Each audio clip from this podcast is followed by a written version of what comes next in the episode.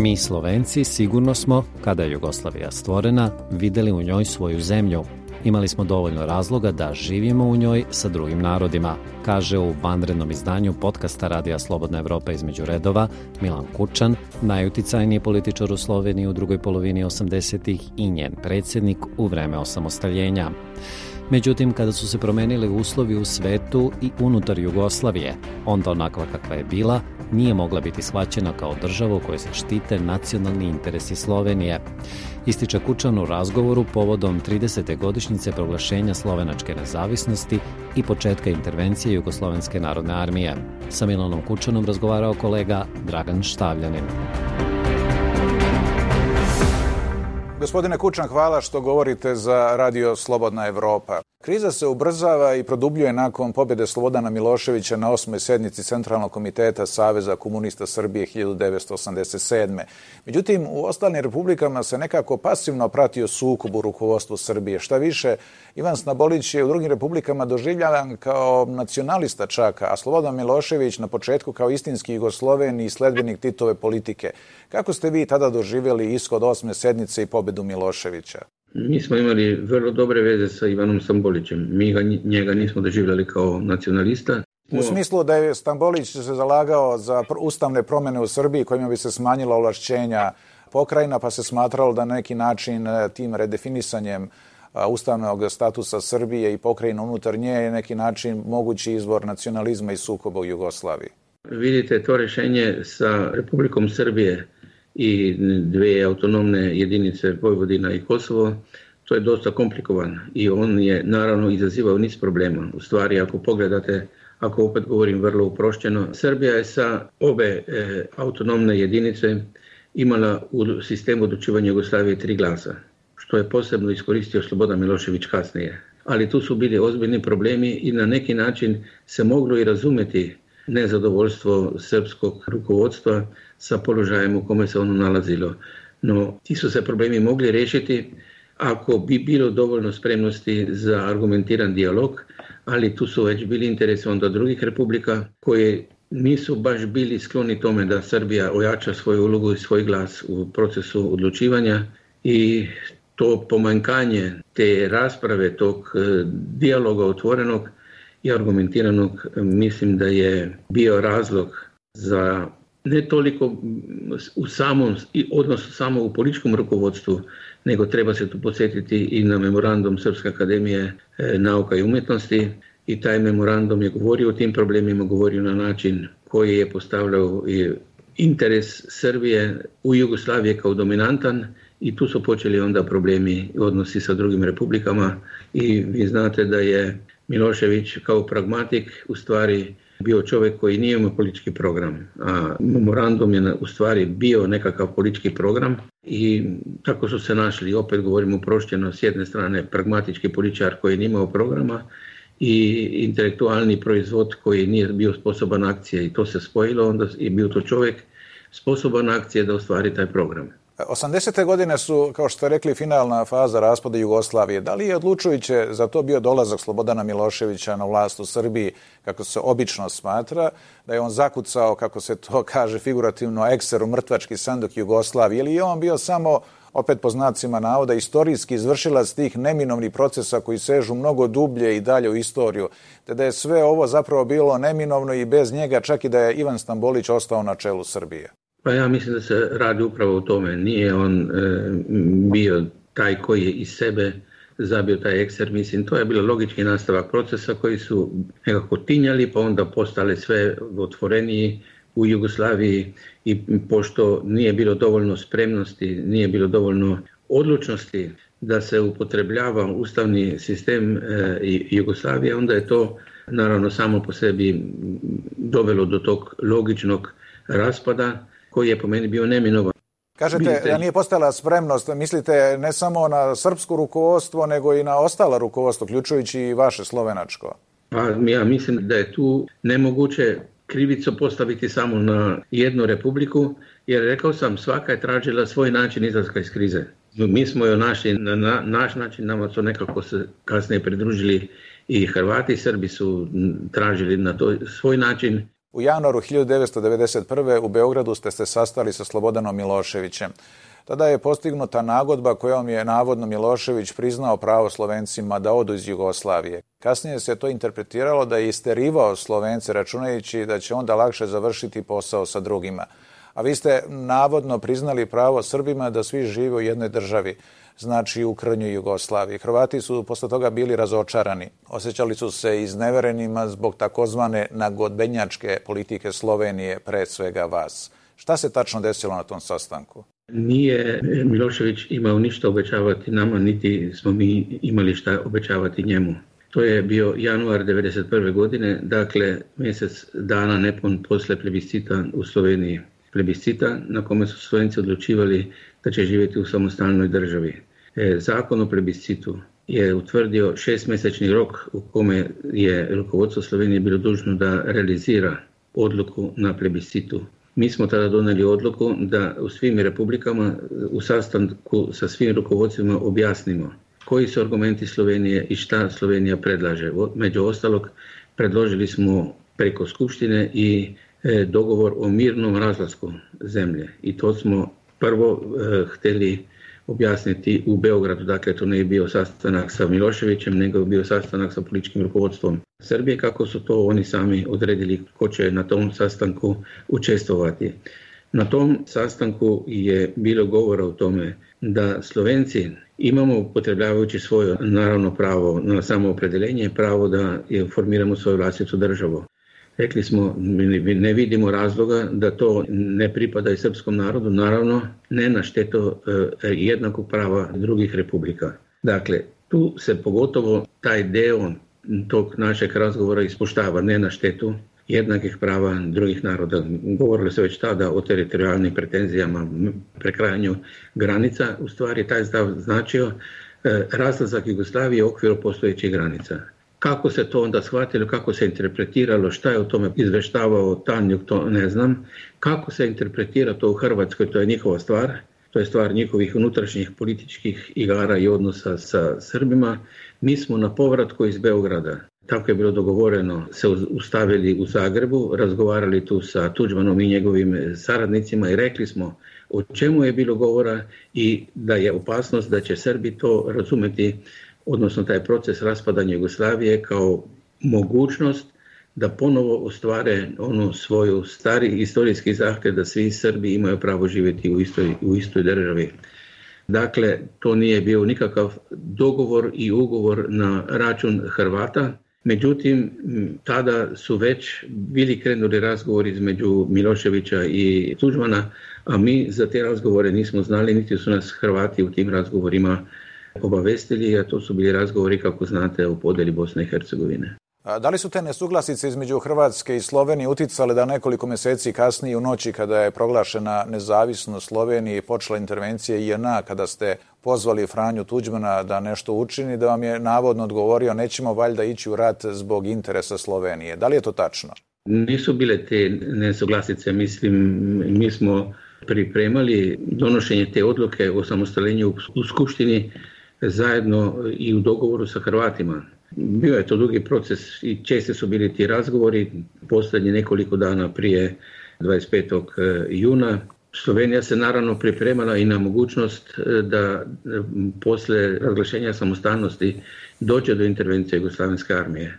Znali su to i Hrvati i tadašnji njihov ministar odbrane general Špegelj imao je pripremljen plan kako će se i Hrvatska odbraniti od moguće intervencije. Naravno, on je bio sprečen u realizaciji tog plana jer taj plan je imao i mogućnost kako će Hrvatska pomoći ako dođe do intervencije u odnosu na Sloveniju, kako će se sprečiti izlazak oklopnih jedinica iz vojarni u e, Hrvatskoj koji su na granici, na granici Slovenije.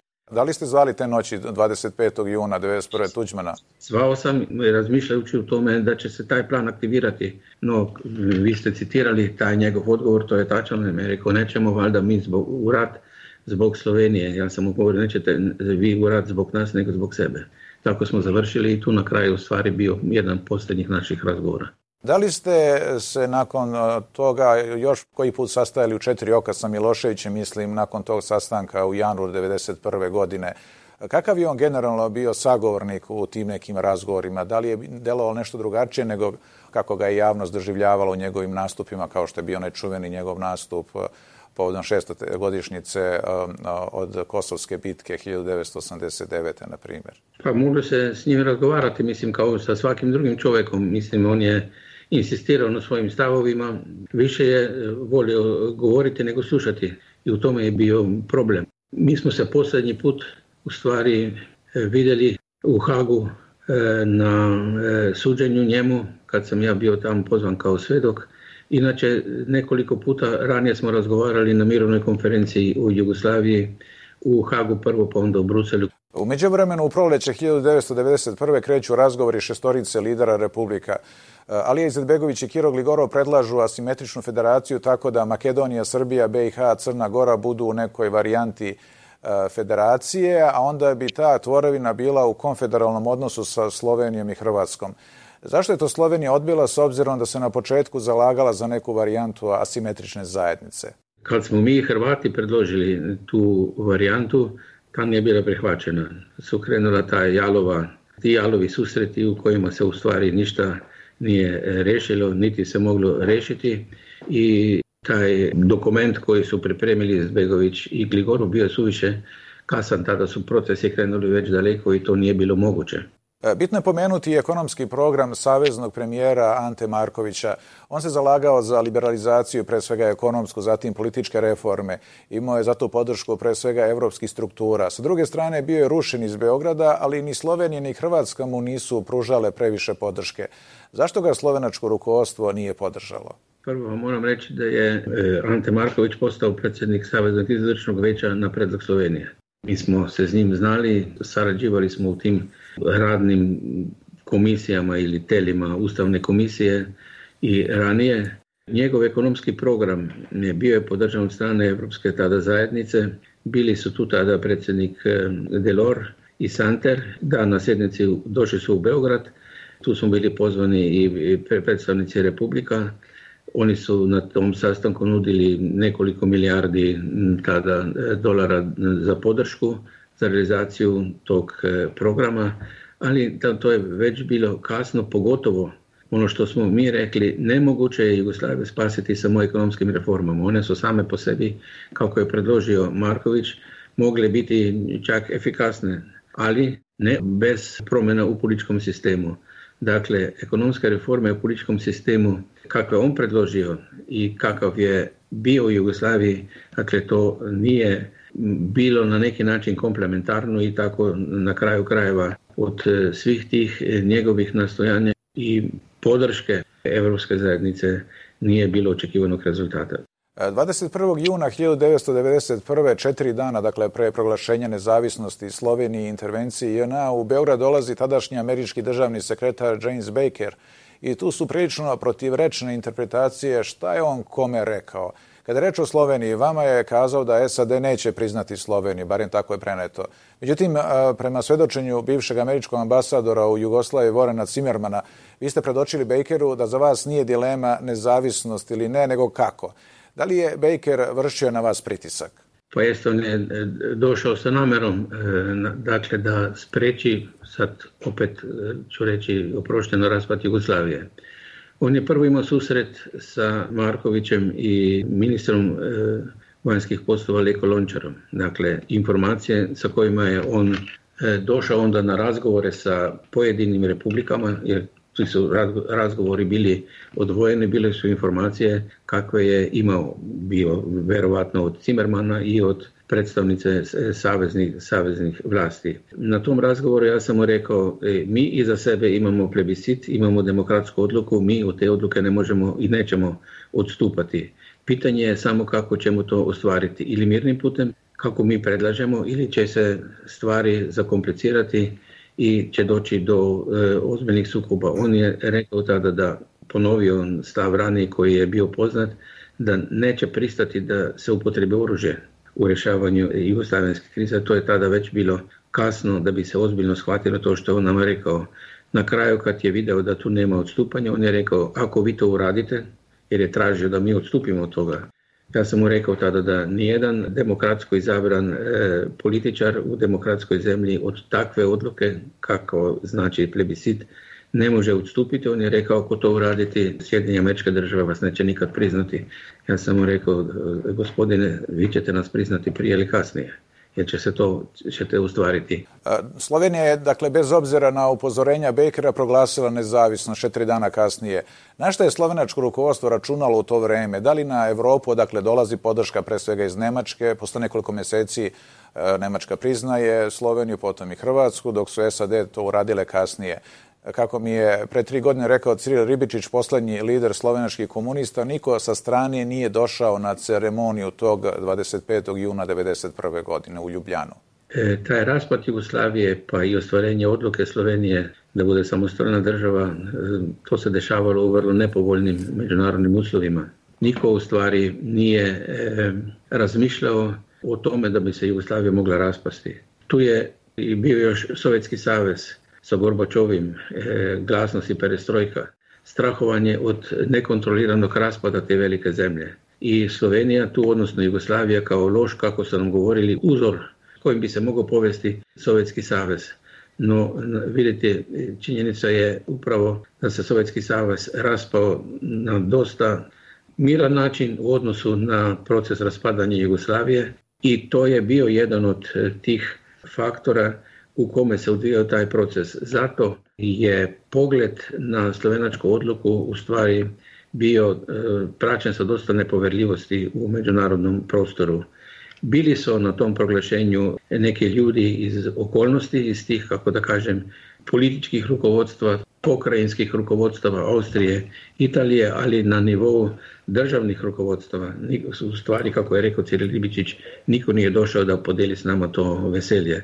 I tu je bila dosta velika zabrinutost šta to znači i stvari su se preokrenule kada je došlo do intervencije Jugoslavenske armije, kada je došlo do oružanog sukoba u Sloveniji i tada se počela zabrinjavati međunarodna javnost na šta može izaći taj sukob. Tu je bio onda sprečen dolazak e, tadašnjeg ministra vanjskih poslova Genčara u Ljubljanu. On je bio prvo na posjeti u Beogradu i htio doći u Ljubljanu. Tada su zatvorili ovaj zračni prostor. On je se spustio u Celovcu gdje smo ga mi sačekali e, i kad su mu njegovi objasnili šta se dešava, e, onda je on rekao u redu, ja ću sazvati moje kolege, ministre država Europske zajednice i ja ću im predložiti moj pogled na situaciju i onda je došlo do tog razgovora, do tog sastanka i proces onda priznavanja Slovenije krenuo vrlo brzo. Nakon toga prvo nas priznala Njemačka, onda po dogovoru sve druge države Europske zajednice, Vatikan i na kraju krajeva nedugo poslije toga i Sjedinjene američke države uprkos Bakerovog stava da nas neće nikad priznati. U svakom slučaju tog 25. juna 1991. u Sloveniji je vladala slavljenička atmosfera. Bio sam u tom vreme Ljubljani i sećam se da ste to veče u nekoliko rečenica koje smo razmenili u pres centru u Ljubljani delovali veoma optimistično. Ipak, da li ste imali u vidu i opciju da bi JNA mogla da interveniše? Da li su postale pripreme u smislu angažmana teritorijalne odbrane policije još od ranije, mnogo pre proglašenja nezavisnosti? Pa rekao sam već ranije, mi, mi smo znali kakva su razmišljanja u delu političkog rukovodstva armije, u generalštabu i Slovenija je računala sa mogućnosti da dođe do intervence i bili smo pripremljeni na to mogućnost. E, vidjeli ste kako su krenuli stvari posle taj 10 dana gdje e, je došlo do naših napora kako što prije i sa što manje žrtava i ljudskih i materijalnih zaustaviti tu agresiju, pozivanje međunarodne zajednice, dolazak trojke ministara e, Europske zajednice dva puta u Zagreb na razgovore da se dođe do premirja i onda do konferencije na Brionima gdje je došla do kraja Izvinite, kad pominjate pripreme, e, pre toga e, prvi šef slovenačke diplomatije Dmitrij Rupel mi je rekao pre tri godine da su vršene intenzivne pripreme. Kazao je da Kada je koalicija Demos došla u aprilu 90. na vlast, počele su te pripreme na granici sa Hrvatskom, Krajina, Kočevlje i tako dalje. Tamo su se, kako je kazao, spremale jedinice također da je Slovenija čekala oružje koje između ostalog stizalo iz Izraela. Imate li vi takva saznanja? Pa, te su pripreme bile, mi smo imali vrlo razvijenu i dobro organiziranu teritorijalnu odbranu, što je bio jedan od stalnih sporova sa e, jugoslavenskim rukovodstvom i sa jugoslavenskom armijom. A ta teritorijalna odbrana u Sloveniji se razvijala na tradiciji partizanskog rukovođenja, odnosno vojskovanja u Sloveniji koje je bilo specifičko u odnosu na taj oslobodilački pokret u drugim, e, u drugim republikama. Tako da nije bilo potrebno izmišljati neku posebnu organizaciju. Jeste, bilo je tu priprema koju je bilo potrebno kriti od e, jugoslavenske e, armije. Bilo je potrebno se pozivati na zakon o unutrašnjim poslovima jer je tu imao mogućnost formiranja narodne zaštite i to se pretvorilo onda kratko vrijeme u takozvanu manevarsku strukturu narodne zaštite gdje je posebnu ulogu imala teritorijalna odbrana dok ona već u jesen 90. E, godine opet ne imala e, ime teritorijalna odbrana. A kada je reč o oružju iz inostranstva? Vidite, e, u početku već za vrijeme formiranja prve vlade i skupštine poslije izbora, dakle u maju 90. godina, došlo je do pokušaja Jugoslavenske armije da razoruži teritorijalnu odbranu. Jer naša teritorijalna odbrana imala oružje koje je bilo kupljeno sredstvima Slovenije i sredstvima radnih organizacija od Slovenije.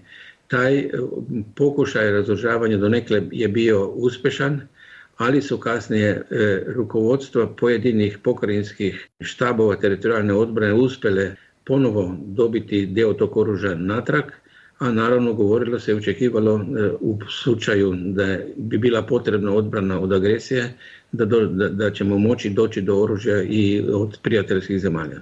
E, to je bio u svakom slučaju prvi rat, izazvao je veliki šok ne samo u Jugoslaviji nego i u svetu. Međutim, ne samo u Srbiji nego izvan nje, mislim pre svega na Stipu Šuvara koji je bio član predsjedništva SKU do 90. godine. On tvrdi da je to bio insceniran, odnosno dogovoren rat između Srbije i Slovenije na način da je Srbija povukla podršku armije, a kasnije insistirala na njenom povlačenju mnogo brže nego što je bio dogovor posle sa Evropskom trojkom o nekom prelaznom periodu. Kako to komentarišete? Pa, ne, znam da li to zaslužuje ozbiljan komentar. Za nas je bio rat pravi rat, deset dana za e, naše teritorijalce i policajce koji su stajali pred tenkovim Jugoslavenske armije, to je bio pravi rat i tu su bila nastojanja da se mirovnim putem pregovorima, dakle diplomacijom dođe što prije do okončanja tog rata. Dakle, mi nikakvog ugovora sa armijom nismo imali. Posle svega što se desilo, da li smatrate da je Sloveniju bolje što je postala nezavisna država ili je bila bolja varijanta da se Jugoslavija transformisala na način da je već tada 90-ih ubrzo ušla u Europsku uniju kao neka labavija zajednica? Pa ja mislim da smo ipak mi izabrali pravo rješenje. Jugoslavija onako kakva je bila, ne bila spremna ući u Europsku zajednicu, nije bila sposobna e, ispuniti uslove i u Europsku uniju bi samo donela svoje nerešene probleme i konflikte sa kojima je živjela. Mislim da je e, bilo realno sagledati da je vremenski tok, ako hoćete, vremenski rok trajanja te zemlje prošao a kako komentarišete izvjesno razočarenje u Srbiji da su Slovenci i Hrvati zapravo samo iskoristili Jugoslaviju, da su u njoj stekli nacionalnu emancipaciju, bili najrazvijeniji deo, koristili prednosti zajedničkog tržišta? Znate šta, te e, manipulacije i ovakve interpretacije, one u stvari ne zaslužuju ozbiljan odgovor, jer sigurno smo mi, sad ne govorim za Hrvate, nego Slovenci u Jugoslaviji, u vrijeme kad je bila stvorena vidjeli svoju zemlju, imali smo dovoljno razloga da živimo u toj zemlji, da živimo sa drugim narodima. Dakle, ponovo se vraćam toj svojoj tezi, kad su se promijenili uslovi u svetu i unutar zemlje, onda više razloga, onakva Jugoslavija kakva je bila, nije mogla biti shvaćena kao zemlja u kojoj se štite nacionalni interesi Slovenije. E, kako komentarišete stav književnika Miljenka Jergovića i mnogi drugi to smatraju da su sa izuzetkom Slovenije, mada i u Sloveniji postoje izvesne populističke autoritarne tendencije, sve ove e, druge države naslednice, male šovenističke zajednice sa nacionalizmom kao glavnom ideologijom što traje dan danas? Pa na neki način je to istina i Slovenija nije i ne izuzetak autoritarnost, pogotovo sadašnjeg rukovodstva, e, sadašnje vlade u Sloveniji ide u prilog tome, ide u prilog populizma i nacionalizma.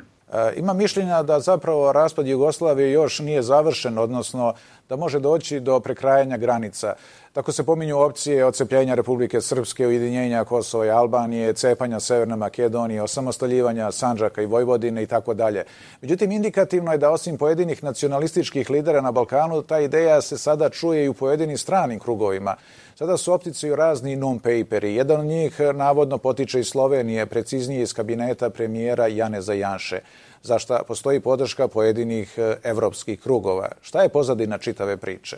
Ne znam, to e, me pitate previše. Ja mislim da Slovenija ne može imati drugačen stav e, od onoga sa kojim je pošla u proces svog državnog osamostaljenja, da imaju pravo do svoje države sve republike i da se e, raspad Jugoslavije okonča unutar postojećih granica. Dakle, nikako prekrajanje granica ne dolazi u obzir. Da, a član predsjedništva BiH Željko Komšić potvrdio je da je predsjednik Slovenije Borut Pahom prilikom posete Sarajevu 5. marta rekao trojici članova predsjedništva BiH da u Europskoj uniji sve više glasova koji pozivaju na dovršetak raspada Jugoslavije. Pahor je navodno pitao da li je moguća mirna disolucija Bosne i Hercegovine. Kako objašnjavate kontekst u kome je Pahor navodno postavio to pitanje i ponavljam prethodno pitanje, dakle, ta priča koja cirkuliše u javnosti o navodnom non-paperu slovenačkog premijera Janše?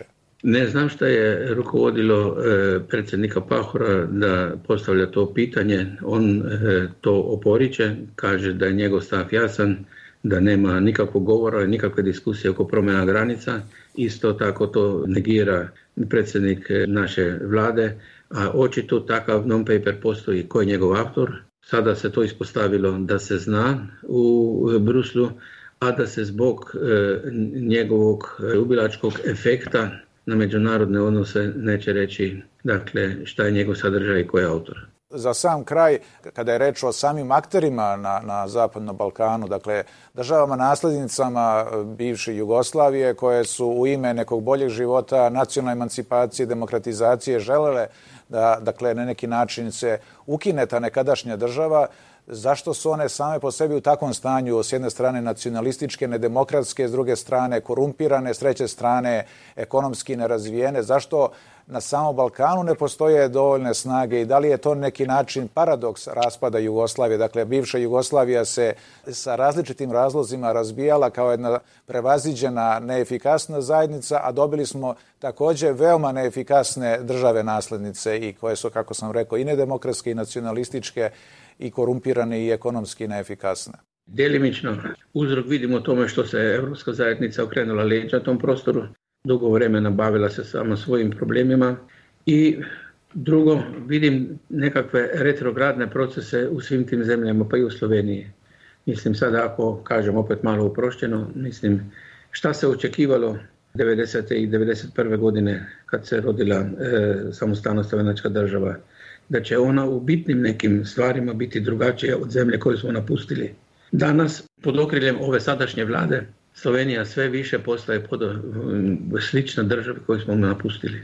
U tome je nekako, kako kažem, tragedija, ali mislim da je to dovoljno ozbiljno upozorenje da će se ipak naći progresivne političke demokratske snage koje će opet Sloveniju vratiti na kolosek one progresivne demokratske i liberalne zemlje. Gospodine Kučan, hvala vam veoma na ovom veoma inspirativnom i sadržajnom razgovoru. Hvala i vama za pozivu i sve dobro. Razgovor sa Milanom Kučanom povodom 30. godišnjice proglašenja nezavisnosti Slovenije i početka intervencije Jugoslovenske narodne armije, što predstavlja i početak rata na teritoriji bivše Jugoslavije, pronađite na našem sajtu slobodnaevropa.org. Naše ostale podcaste pronađite na Spotify-u, iTunesu, Google podcastima. Podcast između redova odnedavno takođe možete naći i na YouTube-u.